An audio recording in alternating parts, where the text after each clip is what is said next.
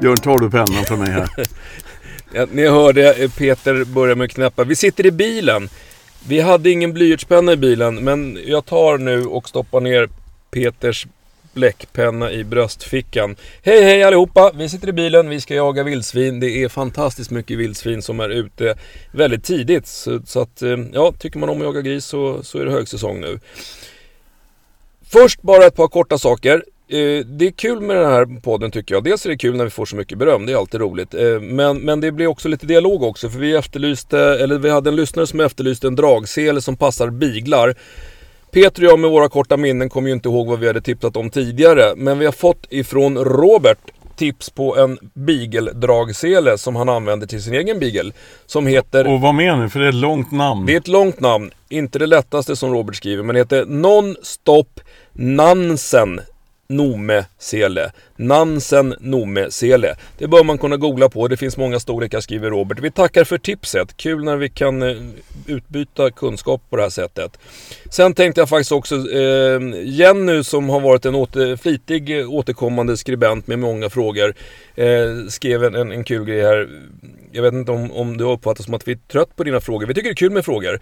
Men du skriver här, kul att höra era reaktioner på mina frågor. Många svar är ju självklara när man hör er säga det. Men det krävs ändå att ni säger det. Vi tackar för det. Det är kul, för det är ungefär så vi hoppas att det här ska fungera. Så kör på Jenny. Kör på.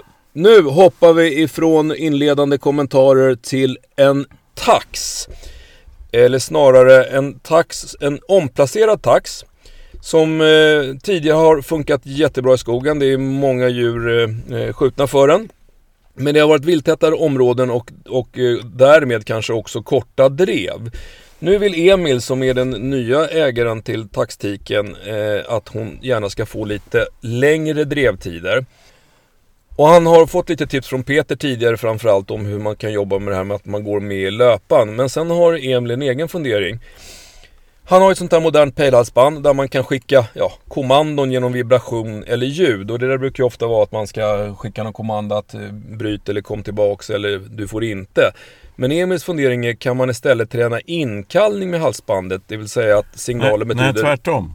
Alltså inte Ja, istället för att träna Ja, inkallning. ja. Träna liksom kör på eller jaga vidare.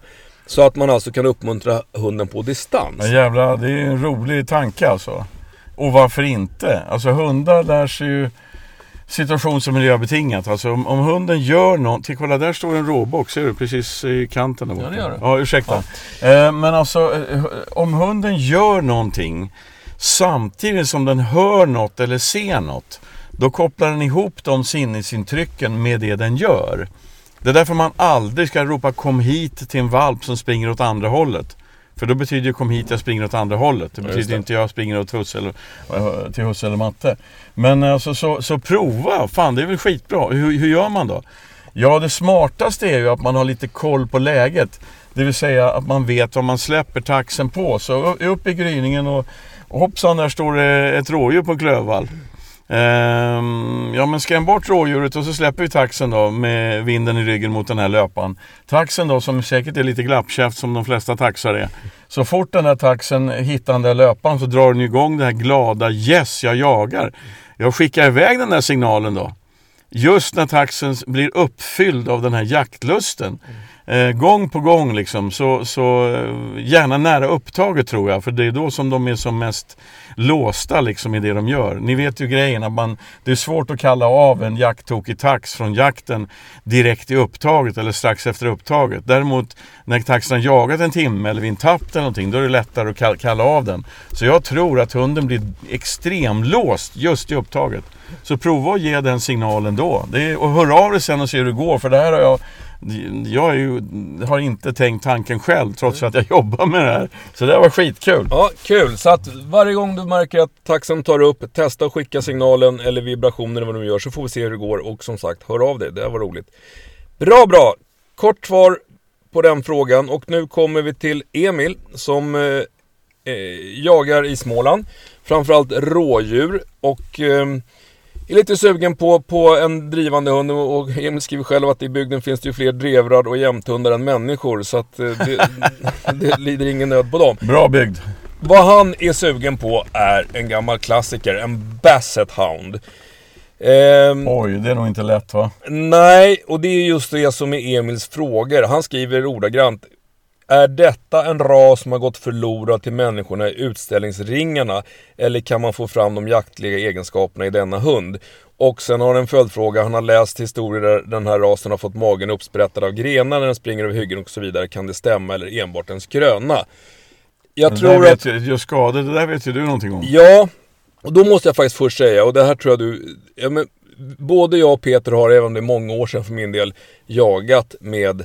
Eh, varit med på jakt i mitt fall med Basset Town. De är ju fantastiska i sitt skall. Man kan ju inte låta bli att njuta när man hör dem skälla.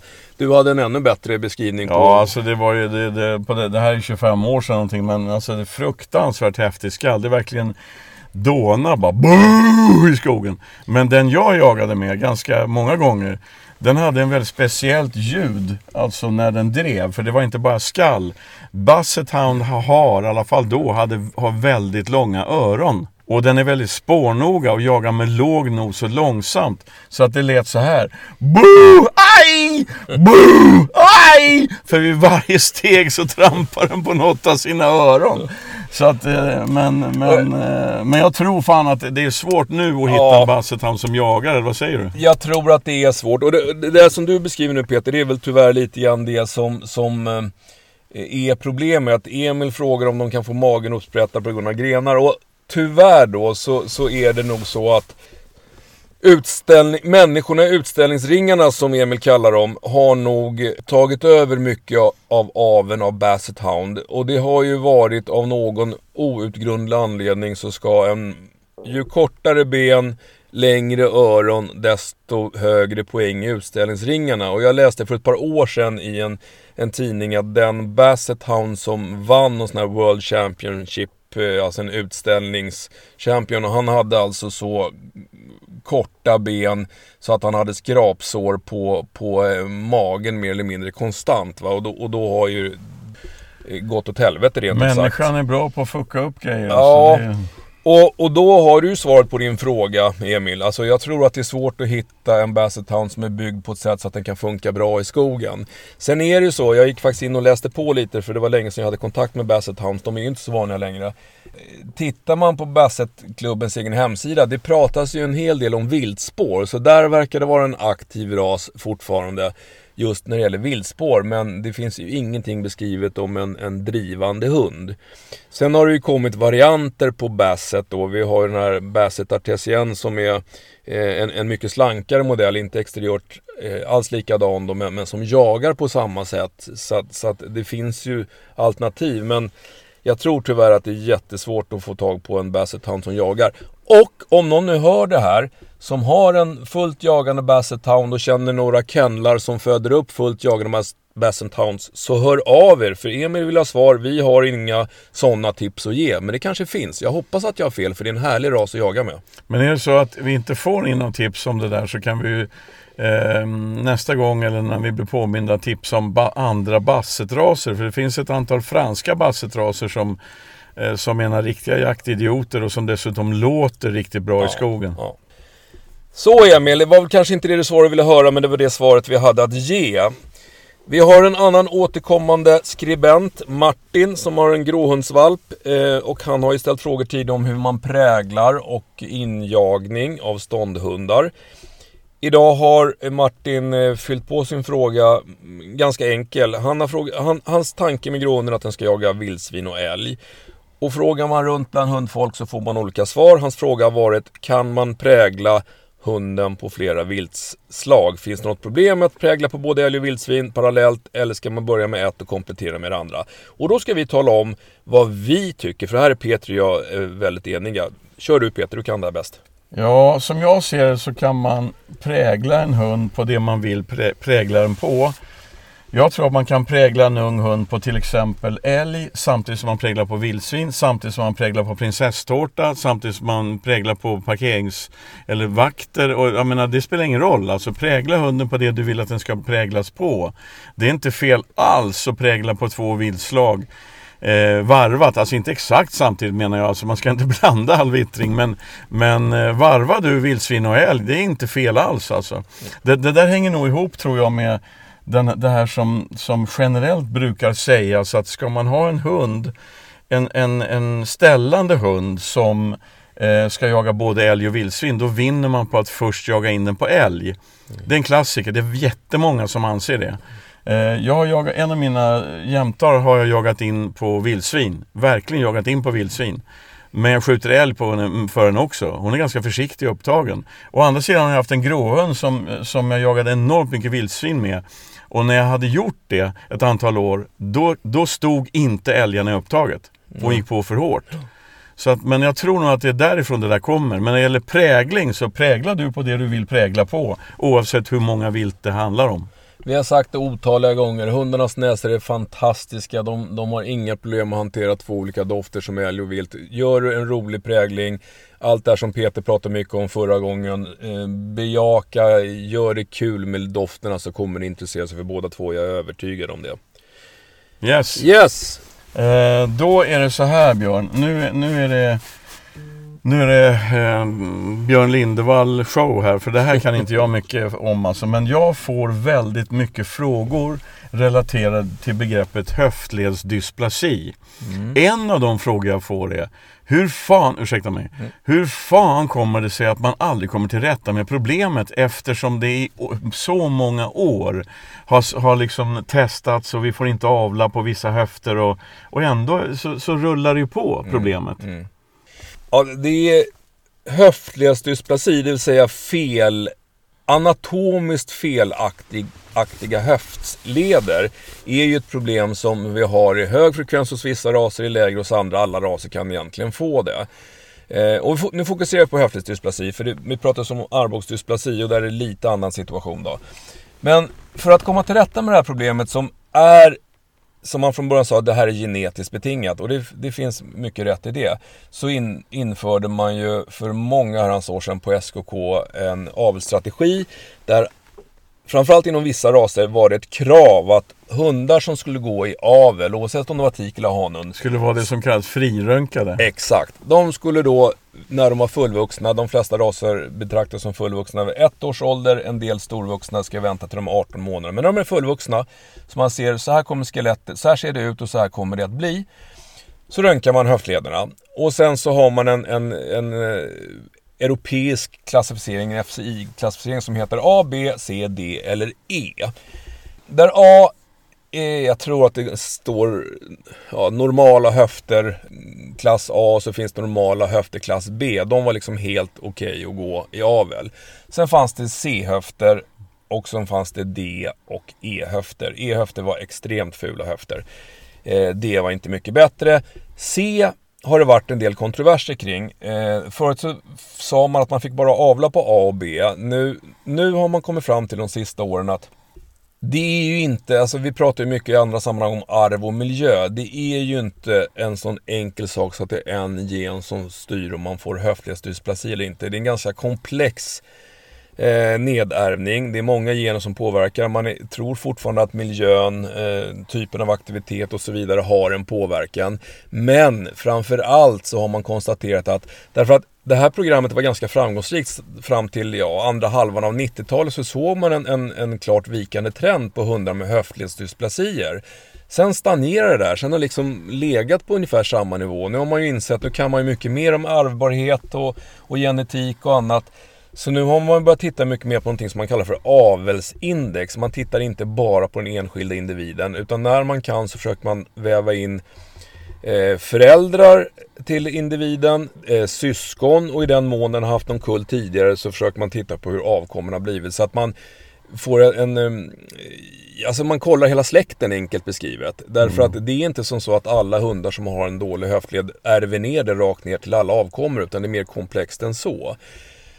Så att, och sen är det så här då, att får man en A och en B-höft, och det här är ju, jag tror att det är tre veterinärer som sitter på Svenska Kennelklubben, SKK, som granskar och de följer en mall. Det är de, bara de som granskar? Det är bara de som granskar. Du kan inte... Jag får inte granska. Jag kan säga till en djurägare som kommer in, vi utför höftledsröntgen på ett fastställt sätt för att alla ska göra likadant. Hunden ska vara sederad, det vill säga den har fått lugnande. Eh, den ska inte vara i löp och så vidare. Och sen så Eh, så lägger man upp dem på, med vissa vinklar och så vidare på bordet så röntgar man. Jag kan tala om från djurägare att de här höfterna ser eh, okej okay ut eller de ser rent av bra ut eller jag kan säga att de ser förfärliga ut. Men jag får inte klassificera. Utan det får bara de här utbildade veterinärerna på SKK göra. Sätta ett A, B, C, D eller E. Sen får man tillbaka ett svar och får man ett A eller B så, så är det ju frid och fröjd och hunden kan gå vidare avel. Får man ett C, ja då har faktiskt SKG sagt nu, de, de, de kom ut med en skrivelse, jag tror för fyra år sedan, sånt där, där de sa att, att C är i sig inte en anledning till att utesluta en hund ur avel. Därför att eh, inom vissa raser får man ett sånt snävt material så många andra goda egenskaper kan gå till spillo. Eh, så att den enskilda individen C diskvalificerar den inte för avel utan man försöker titta på den här avelsindexen, en bredare bas då.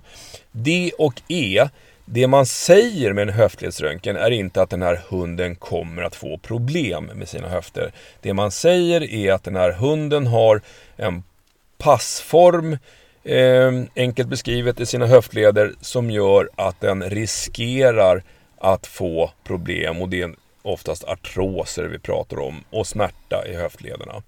Så att jag har sett ett antal hundar genom åren som har haft A och B-höfter som har fått artroser eller pålagringar i sina höfter när de kommit upp i åren. Jag har sett hundar som har haft D-höfter som har, som har levt ett fullt normalt liv. Eh, och naturligtvis handlar det lite grann om det här vilken typ av liv hunden har. Men, men alltså så att när man får, jag har haft djurägare som har ringt och gråtit för att de har fått se höfter på sin hund när de har fått resultat från SKK. Det är inte samma sak som att det här kommer att bli problem. Hunden har inte optimala höfter. Det finns en ökad risk att det blir problem, men det är inte någon lag att det blir så.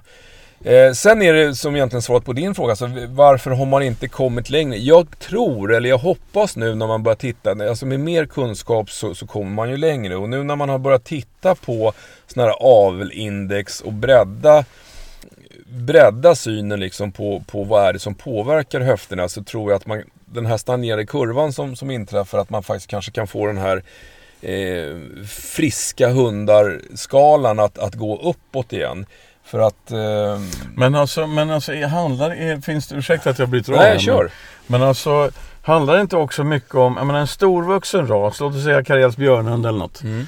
Um, som, där, man, där man börjar för tidigt till exempel. Mm. Alltså den, den, är inte 100, den är inte 12 månaders färdig i kroppen eller till och med 18. Utan man börjar, fystränaren den kanske leker för häftigt och den har fri tillgång till att leka med hundkompisar mm. och den lägger inte av i tid. Den får små, små skador alltså innan skelettet är helt okej, okay, innan alla leder är helt okej. Okay. Kan inte det påverka jo, det? men som... det, det gör det och det är därför man numera pratar, man pratar mycket mer om arv och miljö. Alltså mm. att miljöfaktorer, precis det du beskriver, har ju en, kan ju ha en bidragande orsak. Och vi har ju pratat om det här i tidigare poddar också. att Alltså en, en valp eller en växande hund ska man aldrig överbelasta. Man ska liksom inte gå runt och bära den i trappor och, och så vidare. Men man ska aldrig över, man ska aldrig bestämma sig för att man tar en femmånadersvalp på en cykeltur på en mil. Liksom, utan man, den ska få uh, köra i sitt tempo och ibland kan man faktiskt vara tvungen att, att bryta ner för att när den har allt för kul så, så glömmer den bort det. det så att nu är det kanske dags att ta en paus. Va?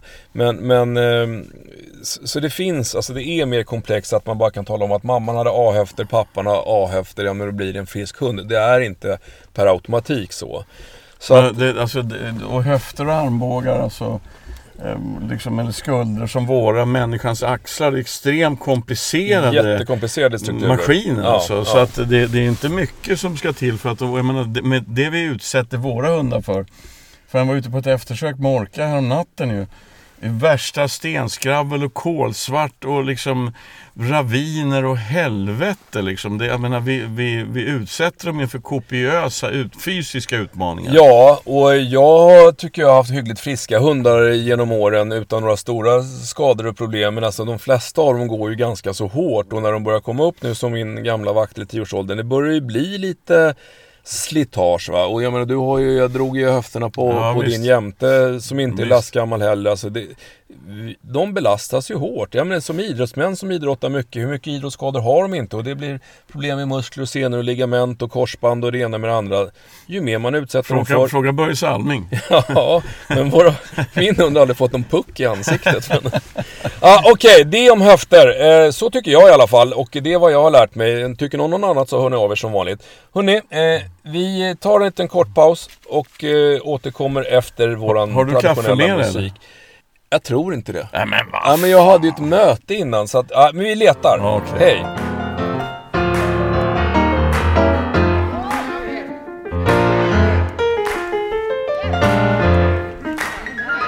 Vi är tillbaka.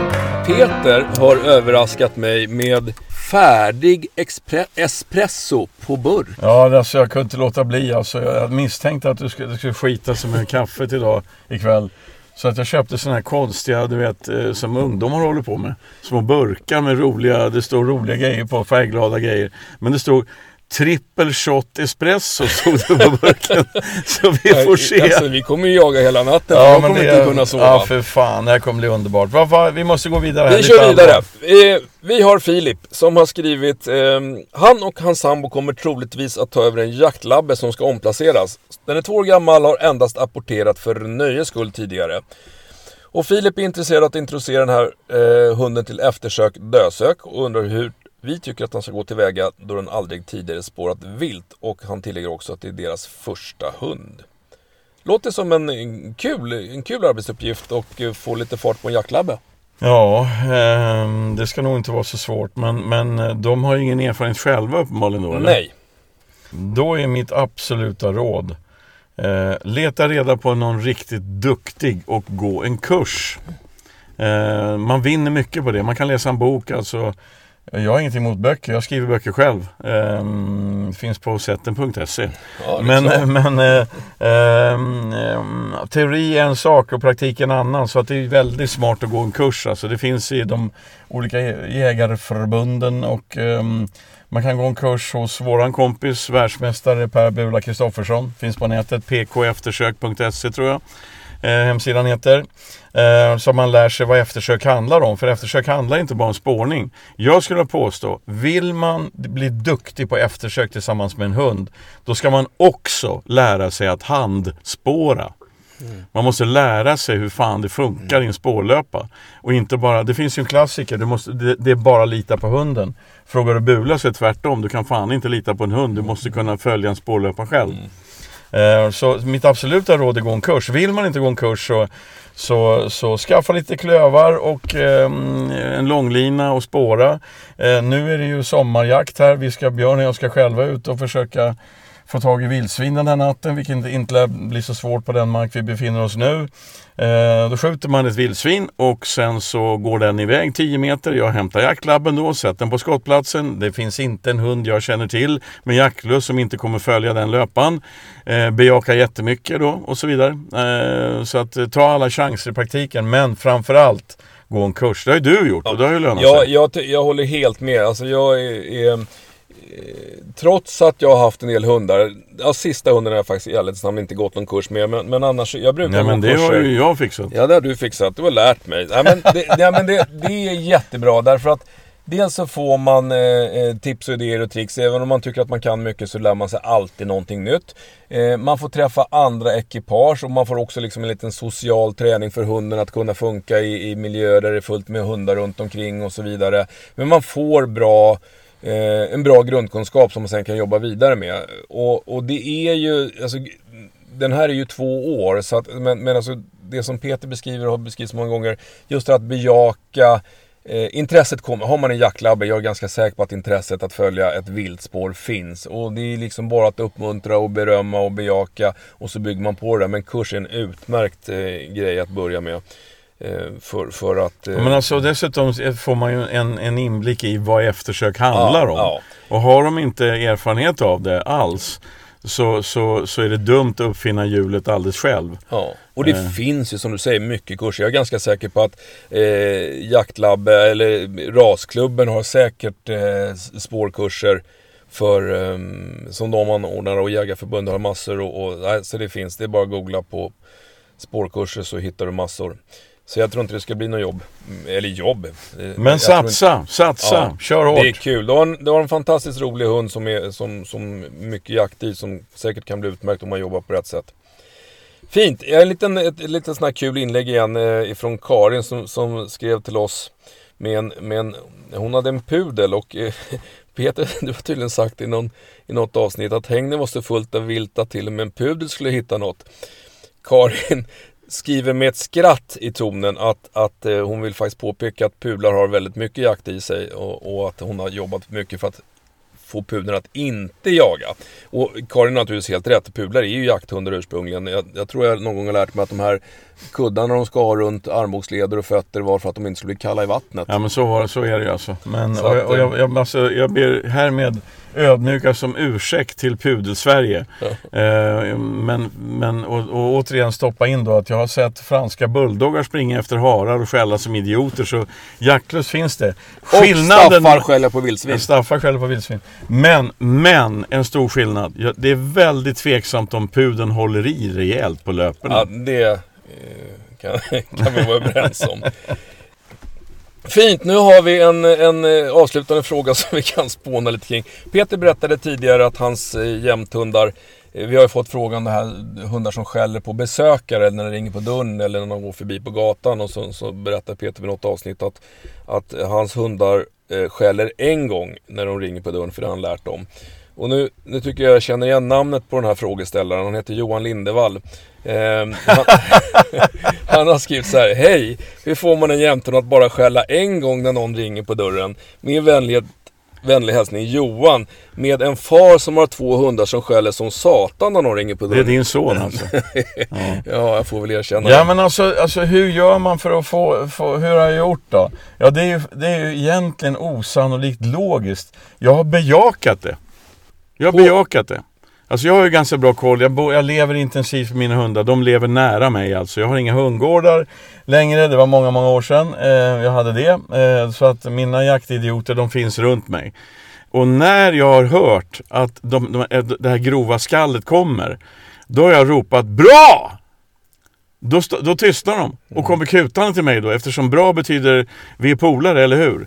Döstolta kommer de till mig då. När någon kommer, eh, alltså valpen nu, alltså det, hon, hon är ett år nu, hon har också lärt sig det här nu. Att det är ett våldsamt skall mot ytterdörren alltså, om någon kommer. Sen kutar de till mig, eftersom jag har bejakat att de ska göra det.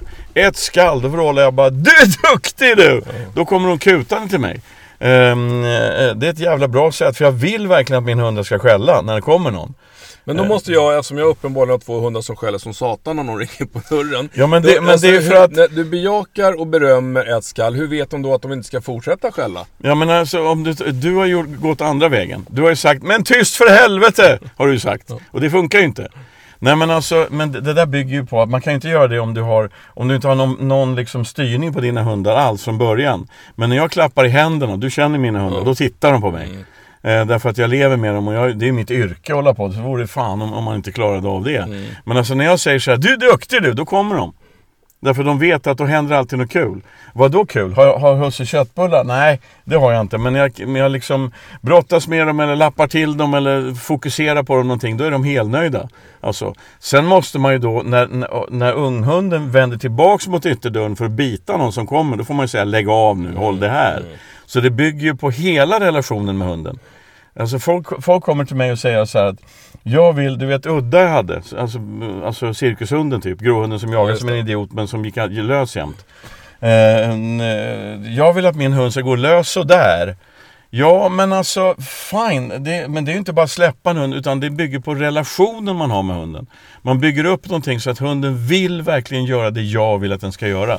Då kan man få en jämthund och bara skälla ett. Johan, du får snacka med farsan, han får styra upp det där. Han har ju en ny valp på gång. Dessutom en sån här felavlad jävel med hängöron, det är hopplöst.